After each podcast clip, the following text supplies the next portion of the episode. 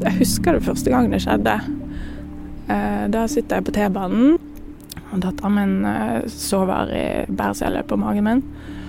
Og så kommer det inn en, eh, en annen mor med et lite barn i vogn og setter seg ved, ved siden av meg og sitter og holder dette barnet. Og bare Det var et eller annet som skjedde. Synet av den lille babyen da, gjorde at jeg bare fikk en sånn voldsom reaksjon.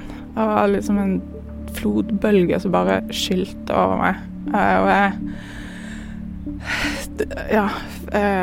Fikk det mest groteske bilder i hodet. Og eh, det snørte seg fullstendig i brystet. Det rimer jo ikke i det hele tatt. Det hang, hang jo ikke på greip. Det var jo det som gjorde det ekstra ille. At jeg har, har aldri hatt noe på en måte Hva skal jeg si syke, psykisk historie. Jeg har hatt det bra, liksom. Jeg har aldri mistet fullstendig kontroll over mine egne tanker og følelser på den måten. Det er veldig, veldig mange i samme båt. Vi bare ser hverandre ikke.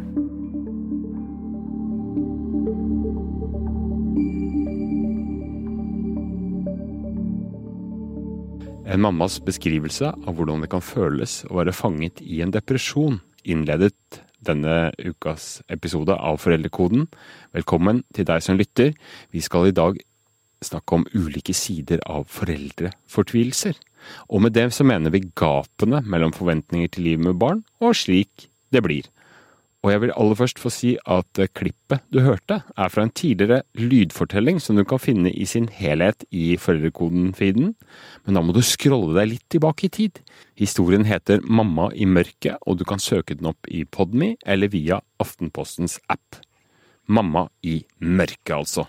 Men tilbake til dette som er dagens tema, Hedvig Montgomery, foreldrefortvilelser. Hvorfor blir livet med barn aldri sånn som vi så det for oss?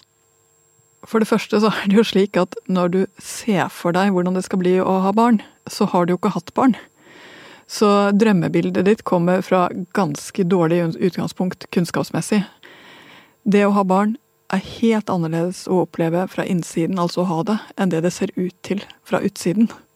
Så det er jo kanskje ikke så rart at det både er noen gleder du ikke ante at du skulle kjenne på, men også noen skuffelser og sorger som du ikke visste kunne komme. Mm. Vi skal i dag snakke om eh, det vi kan kalle foreldrefortvilelser. Og av og til eh, sorger og til og med depresjoner. Og for å begynne med det siste først. Akkurat det er jo ganske så utbredt, er det ikke det? Altså at man får en nedtur i forbindelse med, eh, med fødsler når barna er helt, helt, helt små.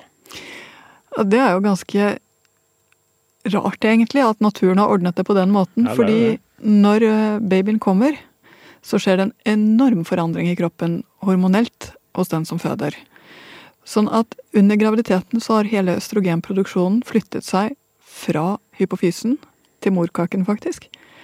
Og når da morkaken er ute, så skal eh, produksjonen gå tilbake til hypofysen, og det gjør den.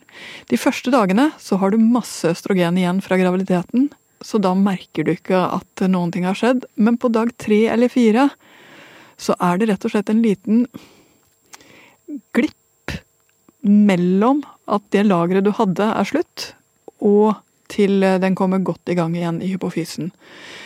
Så det er få som slipper unna det som kalles for barseltårene. Det er få som ikke sitter da på dag tre, fire eller fem og gråter for noen ting som egentlig er kjempesmått. Og det er få som ikke kjenner på utilstrekkelighet, skjørhet og hudløshet rett etter fødselen. Jeg holdt nesten på å si at jeg skjønner ikke hvorfor denne feilen har skjedd fra naturens side, for det virker jo så unødvendig at man skal kjenne på det akkurat når du reiser hjem fra sykehuset med en ny baby. Men sånn er det for de aller, aller, aller fleste. Man kan jo tenke at uh, evolusjonen burde fikse opp i det der, egentlig. Ja, jeg har tenkt det mange ganger, at det, det, burde jo ha vært mulig å gjøre noe bra. Men kanskje hvis vi skulle holde oss til, til, en god forklaring på det, så er det fordi evolusjonen skjønner at det å ha barn, det er noe du trenger hjelp til. Du trenger å være mer enn én. Og det gjelder å sende deg ut å skaffe deg eh, hjelp i dine omgivelser allerede på dag tre eller fire, sånn at noen annen lager mat, vasker, holder babyen, og du får sove. Kanskje er det til og med bra, hvis vi ser sånn på det. Men denne fortvilelsen, hvor, hvor lenge skal vi tenke at den er naturlig at den sitter i? Altså, de første ukene og månedene er en overgangsfase. Det å gå fra å ha ingen barn til bare å ha ett barn, er kanskje den største overgangen vi har i livet noen gang i å endre livet vårt gjennom et eneste døgn. Mm. Så det ene er at den der tilpasningen vil jo variere litt fra person til person hvor lang tid den tar. Altså hvordan livet ditt var før, hva du har tenkt om det. Eh, det vil jo variere en del. Det rent hormonelle er faktisk ganske fort på plass igjen. Men selve det å tilpasse seg livet med barn, det å ikke få sove på samme måten, det å ikke kunne gå ut når du vil, det å være så styrt av et annet menneske, det er en stor overgang. Og det betyr også at det helt riktig oftere er vanlig å kjenne på dette med førstemann enn med nummer to og nummer tre. Fordi da vet du litt mer om hvordan denne gangen er, og hva denne tilpasningen er. Og i tillegg så har du gjort det meste i forkant, ikke sant, med førstemann. Så jeg tenker jo at det er en reise, og du er neimen ikke bare lykkelig uansett. Og så kommer jo forhold ved barnet inn. Noen barn roer seg lett, andre barn trenger veldig mye bæring og byssing. Noen barn har kolikk. Det er en skikkelig, skikkelig, skikkelig prøvelse for foreldrene. Ja, For de som ikke vet hva det er, hva er det egentlig? Kolikk er rett og slett en form for eh, startproblemer med magen. Som eh, er luftsmerter luft, smerter hos barnet. Og barn som, spedbarn som har det vondt, gråter og gråter og gråter og kan ikke trøstes fordi det gjør vondt. Og akkurat det der å ikke kunne trøste en du syns er så nydelig, og som har det så vondt, det er utrolig smertefullt. Mm -hmm. Så det er klart, da får du en hardere prøvelse. Eh, noen har barn som det er noe med, som eh, du må finne ut av. Ting de ikke tåler, eller eh, medfødte ting som, som du må forstå. Så hvert, e, altså hver eneste ny familie, som det vi snakker om nå er For det, dere blir en ny familie i det øyeblikket det kommer et nytt barn. Hver eneste ny familie er litt sin egen. Det er sine egne utfordringer, det er sine egne problemer. Og så er det noen overskrifter som er ganske like. Og en av de overskriftene som er ganske like, det er at på spørsmål som nå sover han vel gjennom hele natten, så er svaret nesten alltid nei. Mm. det er likt. Mm -hmm. På svaret på spørsmålet hva gjør du hele dagene nå som du har permisjon, så var svaret du aner ikke hvor de timene blir av, for du gjør noen ting hele tiden. Mm. Og så er det mange som har kjent på den derre eh, liksom holde på nesten hele dagen for å forberede seg på å gå ut, og så når du først skulle gå ut, så har det blitt mørkt. Ja, og det er veldig, veldig rart. Og spesielt hvis du får barn som jeg har gjort, på vinteren. Ja, hvor dagen er så kort. Ja. Får du sett dagslys, så, du, så, føler du deg nesten som et troll som sprekker. Ja. Så det er denne her, eh, følelsen av utilstrekkelighet da, ganske dominerende, da. Når er en sånn type nedtur innenfor hva skal man si da, normalområdet, og når er det kan det tippe over til noe mer sånn depresjonsaktig, depresjonsaktivt, når vi snakker om fødselsdepresjoner, da? Ja, Det var interessant, for jeg skulle jo ønske at vi kunne ha tatt et røntgenbilde og så så vi det, men det gjør vi ikke i det hele tatt. Allikevel så må jeg si at det er ikke så vanskelig å skille når du ser det. Fordi dette som vi snakker om, usikkerheten, slitenheten, følelsen av at uh, det alltid kommer til å være sånn, uh, men det går nå på et vis, det er helt innafor. Mm -hmm. Men når du føler deg helt alene med dette, du føler deg overveldet, du føler at tårene renner og renner, og det er ingen som kan forstå eller trøste Når du begynner å lure på om du kan bli glad i dette barnet som har gjort dette med livet ditt, eh, og du begynner også å tenke at dere aldri skulle ha fått det, og ikke bare en gang innimellom at du tenker det, men du tenker det mye, og så straffer man seg selv kanskje for den tanken i sekundet etterpå igjen, og så blir alt eh, desto verre? Desto verre. Altså når vi er over på dette her som er så veldig ensomt, det er da vi har depresjonsdiagnosen foran oss. Og det er ikke noe krise, det heller. Eh, fordi det er det mange som har i en så stor overgang som dette her er, og det går bedre når også livet begynner å sette seg. Allikevel så er det å ikke bli stående alene med en så sterk og intenst negativ følelse, det gjør en stor forskjell. Både for deg, men også for forholdet mellom deg og barnet. Så hva er veien ut, da? Jeg tenker i hvert fall at det første å gjøre er å tenke gjennom nettverket sitt. Hvem i vennekretsen, hvem i familien, hvem av dem jeg kjenner, kan jeg dele dette med? Kjæresten min kan det ofte være det egentlig som burde ha vært det naturlige svaret, men det kjennes vanskelig ut. fordi dere har kommet fra hverandre bare i løpet av denne korte tiden det har vart. Men klarer dere til kjæresten, er det absolutt noe av det fineste. Men poenget er at i det øyeblikk du har begynt å si det til noen, så er det mer sant, mer til å ta og føle på, og også mulig å gjøre noe med. Og det neste skrittet da er å snakke med noen på helsestasjonen. For de har garantert sett det før. Mm. Men er det vanlig at man tenker at uh, dette er det bare jeg som føler, liksom? Ja, det er vanlig. Og det er ikke så rart, fordi hele, hele kulturen vår er jo fylt av bilder av lykkelige foreldre ja, ja. med lykkelige barn. Og når du er i denne fasen, så leser du ting på nettet, du leser ting i blader. Du, du ser denne, hvordan det skulle ha vært bildet. Det kommer veldig, veldig tydelig opp. Og da føler du deg i hvert fall alene med det. Og jeg må også si at det å ha det så dårlig Det er klart, du håper jo virkelig at ingen har hatt det sånn før deg. Fordi det, det er så vondt. Mm.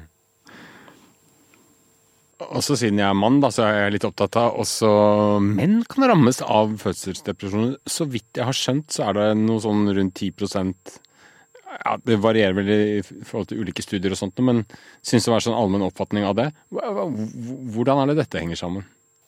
Nei, Du kan jo si at menn slipper jo unna den hormonelle biten. Yes.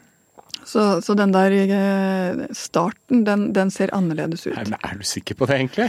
Det, det føles kanskje ja, det, Jeg sikker skal jeg ikke si, fordi man blir jo ganske påvirket av den man lever med og den man er inntil. Så, ja. så hva vet jeg, det kan godt være at det er noen ting som går over. Ja. Men det er ingen tvil om at livsstilsovergangen og eh, endringen i eh, hvordan man lever, er minst like stor for menn som for kvinner.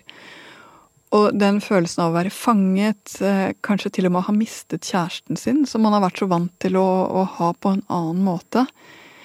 Eh, det å eh, ikke være tilstrekkelig. Kanskje du føler at du ikke er bra nok for den kjæresten som har født. Så du står ved siden av og føler at du er ti tommeltotter. Slike ting. Det er så mange ting som forskjellige historier som gjør at du som mann sitter og kjenner at dette går ikke bra. Dette kommer aldri til å komme på rett kjøl igjen. Mm -hmm. Og nå, det høres kanskje rart ut, men jeg tror det er enda, enda viktigere da å finne noen å snakke med om det. Mm.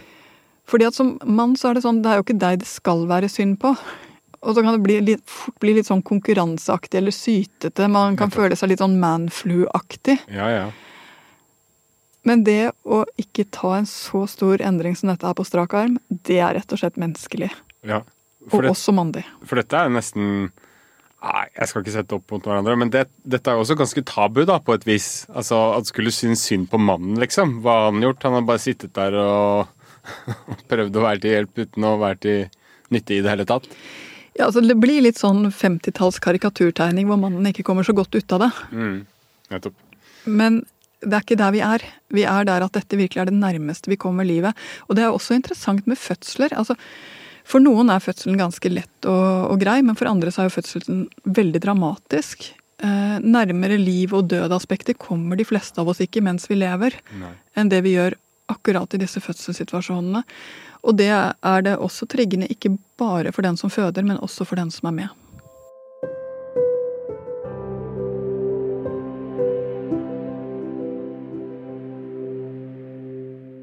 Det er vel grunn til å tro også at de fleste kommer seg gjennom dette her Ehm, og lander på begge beina.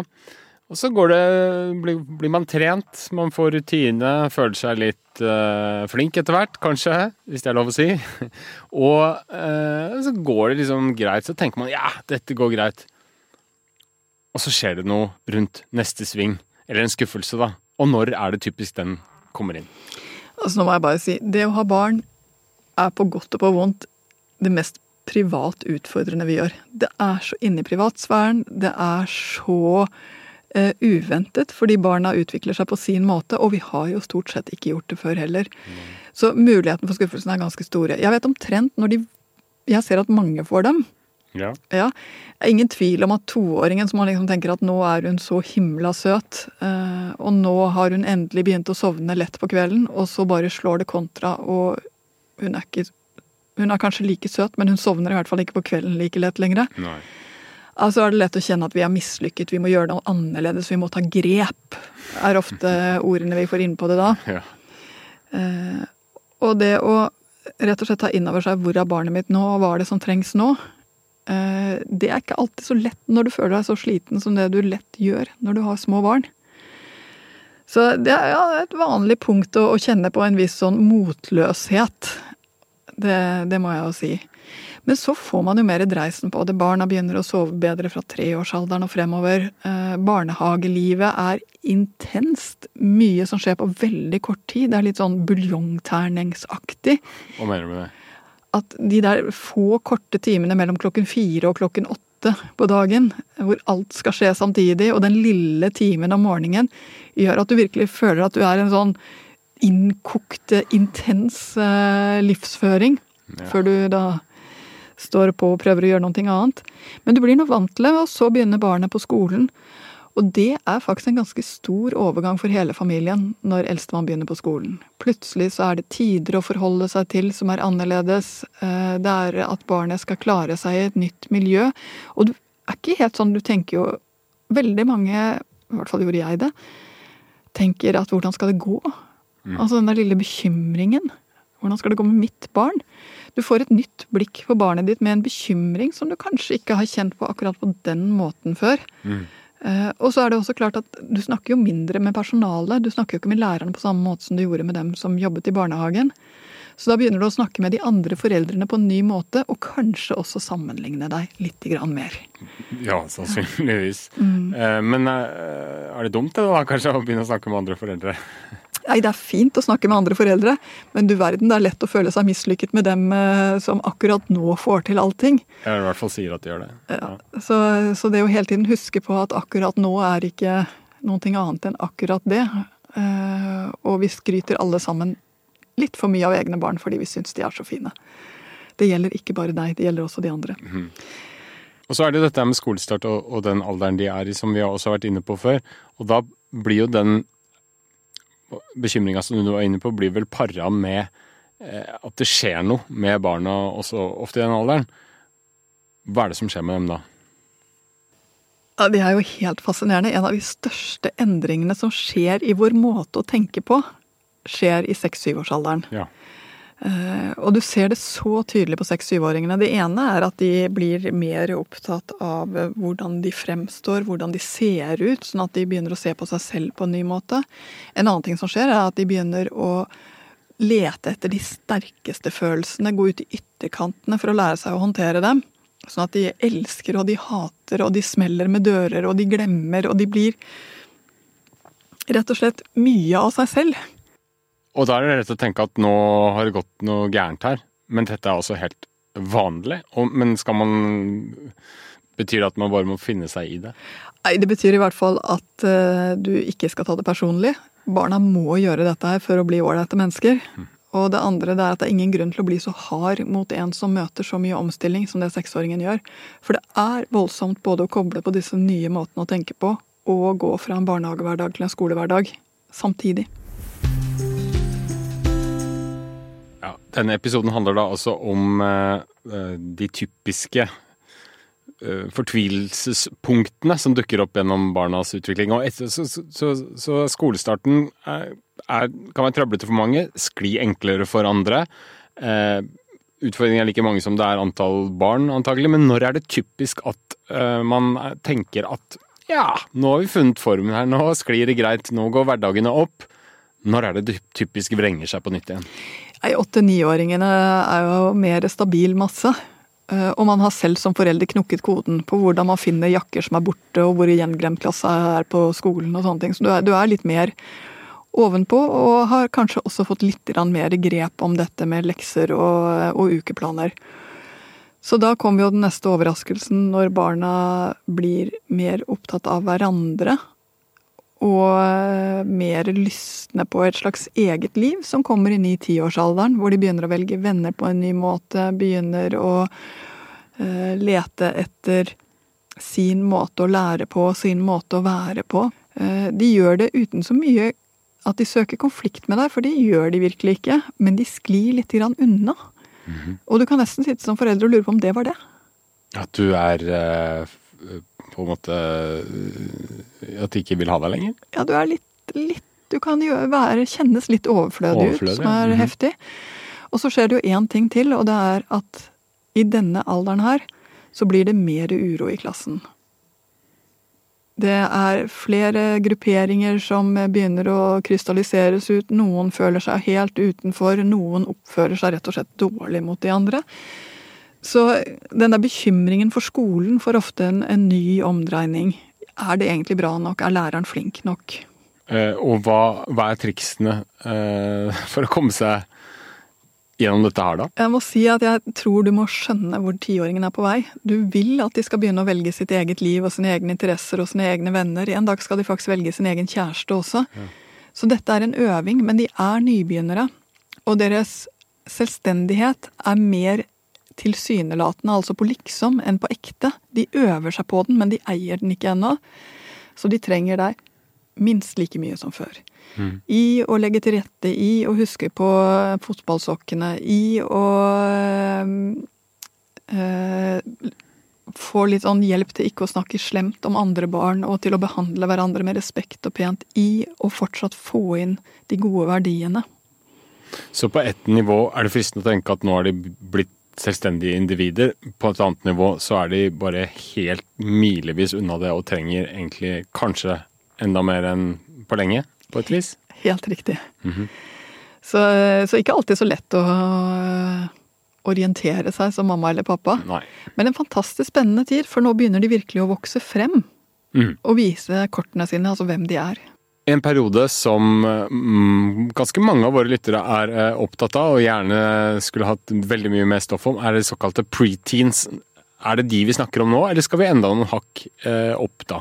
Nei, Det er de vi snakker om nå. Og så Ja. er det klart, her er jo også de individuelle forskjellene ganske store, fordi dette handler om når puberteten treffer. Eh, og når puberteten treffer 13 år pluss minus halvannet i en sånn vanlig radius. Eh, før puberteten kommer, så blir de slitne, så blir de slappe. Så eh, får de lyst til å spise og sitte stille og samle krefter til den puberteten som jo er ganske rett rundt hjørnet, og som er en kjempeomstilling for kroppen. Hva er det foreldre sliter mest med da? I det, ja, det er jo det at de tenker at, eh, det at de har fått et barn som er slapt, som ikke gjør nok, som eh, ikke anstrenger seg nok. Er det nok mange som tenker. Eh, og det er mange som også begynner å grue seg til tenåringsfasen og tenker nå blir den kjempelang. Fordi han begynner allerede nå. Men den blir jo ikke noe lengre. Nei. Nei. Den er som den er uansett. Hva er den viktigste oppgaven man må stå, oppgaven man må stå i da? da? Med disse som eh, driver og samler seg sammen til puberteten. Nei, det er å hjelpe dem sånn at de ikke faller helt utfor, rett og slett. At de har med seg de riktige tingene, at de rekker det de skal, og at de har noen som liker dem og heier på dem. De har noe helt selvfølgelig og fritt ved seg også. De kan gå nakne rundt, og eh, de er kanskje ikke så opptatt av å dusje seg og gjøre seg pene. Fordi akkurat nå er ikke det viktige. Eh, Så det er noe litt sånn uskyldig usjarmerende, hvis jeg skulle eh, kalle det for det, over denne gruppen, som jeg kan love at de kommer til å dusje senere. Og så hangler man seg kanskje gjennom da, disse tunge åra, eh, Og da kan man tenke at bare kom igjennom det, så er vi i mål. Så å si er man det. Nei, men det er klart De skal jo gjennom ungdomsskolen også, og de skal gjennom puberteten sin. Eh, Og de skal kjenne på den usikkerheten som de aller, aller, aller fleste kjenner på tidlig i tenårene. Og er det én alder hvor det er lett å føle seg litt mislykka som forelder, fordi det, det er helt vanlig i denne alderen her, jeg ville si kanskje til og med nødvendig, at barna leter etter det som er feil i deg for å kunne bli annerledes selv. Eh, og de føler seg stort, stort sett både så trygge og så fri til at de kan si hvilke feil de finner underveis. Og da kan det virkelig kjennes ut som om du både har en som sitter og er usikker på seg selv, som er så kritisk mot deg. Du kan kjennes ut som om du har gjort allting feil som forelder. Det var jo ikke her dere skulle være. Dere skulle være venner, dere skulle gjøre ting sammen. Dere skulle ha det fine forholdet. Og så har du en tenåring som ikke i det hele tatt leter etter det fine forholdet. I hvert fall ikke akkurat nå. Da er det lett å både føle at man har gjort allting feil, at man har vært mislykket, og at det er noen ting som eh, er for sent å rette opp. Mm. Og til det må jeg virkelig si det stemmer ikke. Dette kommer ikke fordi foreldrene har gjort noe feil. Det skjer i alle familier, nesten uansett. Og det andre det er at alt det fine som du har lagt inn i barnet ditt, av verdier, av kunnskap, av rutiner, av, av det som liksom skal være, gjøre dem til bra mennesker, det gjemmer seg ofte lite grann. Og så kommer det tilbake igjen for fullt og sterkere litt senere, fra 16-årsalderen og oppover. Og så har unge blitt eh, kommet seg gjennom eh, ungdomsskolen, kanskje 16, da, 17, og så skal de bli sånn ordentlig store. Og da er du ferdig med å bli fortvila da? Å nei da. Nei. Jeg må si at barna kommer alltid til å ha et spesielt tak på oss. Vi bekymrer oss for dem. Vi øh, håper så mye på deres vegne.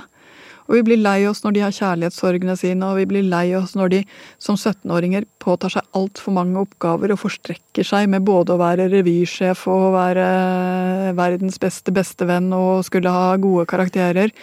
Eller vi blir forferdelig lei oss når vi har et barn som bruker lang tid på å slå ut i blomst, og som sitter for lenge inne på rommet sitt mm. og venter på sin blomstringstid. Mm.